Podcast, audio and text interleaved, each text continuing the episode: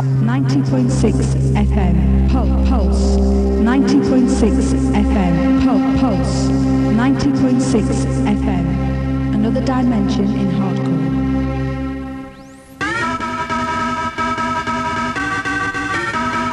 Yes, London, you got that one right. Harvey the Mad Show going through till 12 o'clock tonight.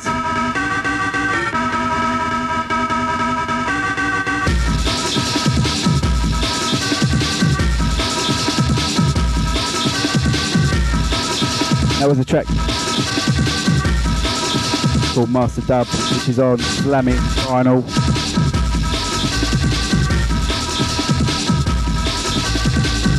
It's called the Old Tight EP. Sure, um, if you want to page in tonight, the number is 081 840 7000. When you get through, ask for page number 089 2183. One of the, I think, most kind of inventive, powerful ways in which media have, have interoperated in London certainly has been uh, the pirate radio scene. This is something that's existed in different ways, in different versions from the 1960s onwards, and has gone through multiple different phases. Is, is currently in, a, in, quite a different phase than it was when I wrote that book and was working uh, in that context. But the, the idea is that, particularly in pirate radio, is a means by which other media systems come into uh, composition with each other. So you have media systems of transmission, of music, of recording, of all the innovations that have been made around around music, uh, particularly in London context with different dance music scenes, but also different ways of using turntables, mixing tracks, of mixing vocals with tracks, but also of mixing the radio and music with cities, uh, with migrant populations, with populations that are often pushed to the side of the composition of the city, but are also sometimes its most inventive practitioners that actually make the city livable. And what I was looking at was the way in which the London pirate radio scene, which is you know is a multi-dimensional scene, it's not reducible to one one set of factors, was able to work with this sense of dynamic composition that would always be open to new musical forms, new technical possibilities, and new ways of integrating different media into it. So I think this is this is something that's that characterizes also the way in which that scene has, has been historically one of the most generative of new musical forms. If you think of, you know, from, from the 90s, you have uh, the generation of jungle, breakbeat, drum and bass, you have garage, you have two step, you have UK funky, you have enormous capacities of, of invention that release something like grime, which is a genre of music that was comes from primarily you know black teenagers living in in council estates at first, particularly in East London, but also in South London. The sheer force of grime as uh, a musical genre that has reinvented itself over more than a decade, a decade and a half now, is extraordinary to witness. The way that, that grime becomes a, a multi generational project without losing its sense of traction and its sense of capacity to reinvent itself.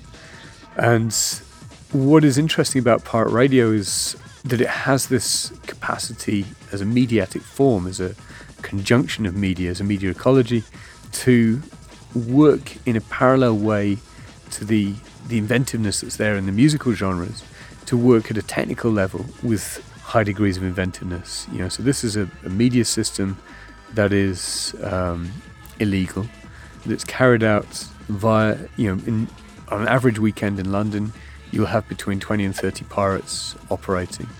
This has changed by the, invent- the introduction of the internet, it's changed by the introduction of digital radio, it's changed by the way in which smartphones retemporalize and respatialize media in different ways.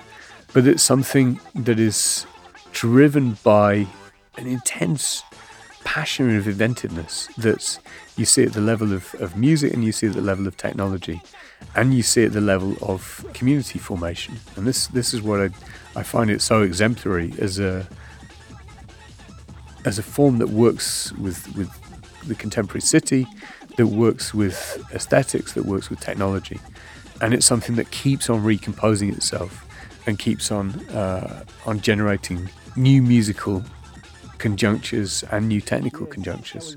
And I think it's is magnificent as something that comes out of a, a criminalized context and it comes out of highly socially marginal contexts. Uh, if you think of the key locuses of electronic music in London have been obviously central London, but also places like Croydon, one of the most dull, boring, and um, underserved part of the of, of the city, but also East London, you know, with its kind of historic legacy of slums and being the, the place of numerous waves of migration. These are, in turn, the the kind of hotbeds of incredible cultural density that, that is extraordinary to watch and pay attention to and to listen to.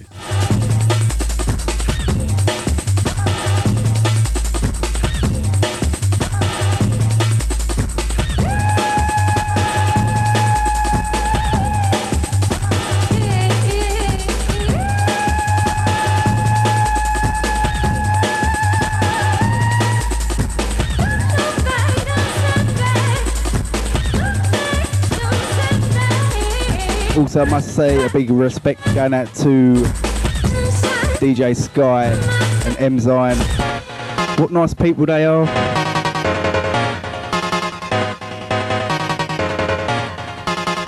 Had a good laugh.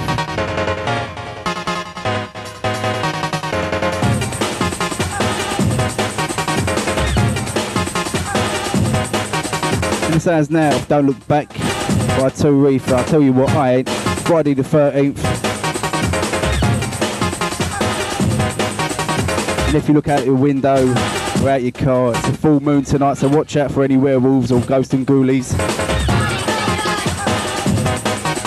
There are some basic components. One is the kind of musical track, one is the DJ, the MC, and then there are, you know, the transmitter and the receiver. But then there are also lots of other things that are plugged in. For instance, ways of masking the position, the physical position of the studio by using infrared links to the transmitter. So, if the normal way of, of finding and closing down uh, a transmission point is locating an aerial by triangulating the strength of its signal, that would allow the police to seize the seize the aerial in the transmitter. Often, studios would also be seized if they're in the same location. But what people did was to introduce a, an infrared link between the transmitter location and the studio location, which meant that once the transmitter had been seized, the signal would stop and people would then have the time to get away with the equipment, which might be in another building, uh, might be you know anywhere that could could have a line of sight link uh, via infrared to the to the point of the transmitter, and this allows for at least the the sense of uh, a sustainable project that's not subject to being raided over and over again. So there's the the components of, of such a system are always lightweight. They're always things that can be lost. That always can be replaced. It's highly modular, but that ability to introduce new elements into the into a relatively stable configuration allows for a state of a certain degree of freedom to be made possible, even within a, uh, the condition of um, criminalisation. I mean, I think the roots of it are that there was enormous technical knowledge within black communities, particularly, and enormous legacy of musical cultures that just didn't have expression in the main commercial and state channels. And so from that, from the 60s onwards, these channels were, de- you know, the, the, these stations were developed. Some of them last a very long time. Others last, you know, a few months, a few year, you know, a year. Um, they appear with different configurations of musicians or DJs, and then melt away once a particular musical scene has um, has passed. So they're things that are both very uh, ephemeral and very enduring, but they come out of the the fundamental power of particularly black communities in London to reshape the city, you know, and, and, to make the city and to to make the best music that's available in the world to some extent. You know, it's it's part of the manifestation of the power of black communities living under immense duress in a racist society. They're remarkable at a cultural level, they're remarkable at a political level, and as a as a, as a site of technical invention which meshes all of these aesthetic, cultural, urban questions together.